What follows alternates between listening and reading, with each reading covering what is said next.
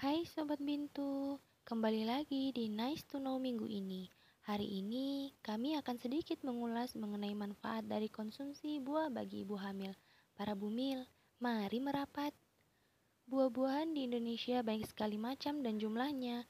Namun demikian, masyarakat Indonesia masih banyak yang belum memiliki kebiasaan untuk mengonsumsi buah. Padahal, setiap hari tubuh membutuhkan zat gizi mikro yang terdapat di dalam sayuran dan buah-buahan. Terlebih lagi pada ibu hamil loh.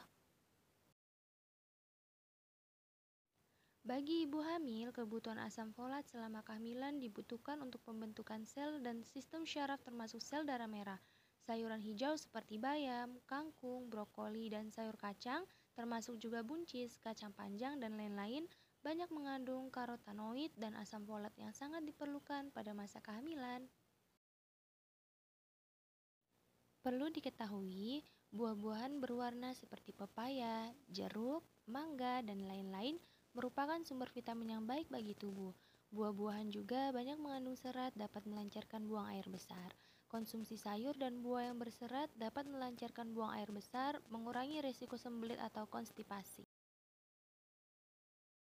Nah, bagaimana bumi sekalian hari ini? Sudahkah mengonsumsi buah-buahan?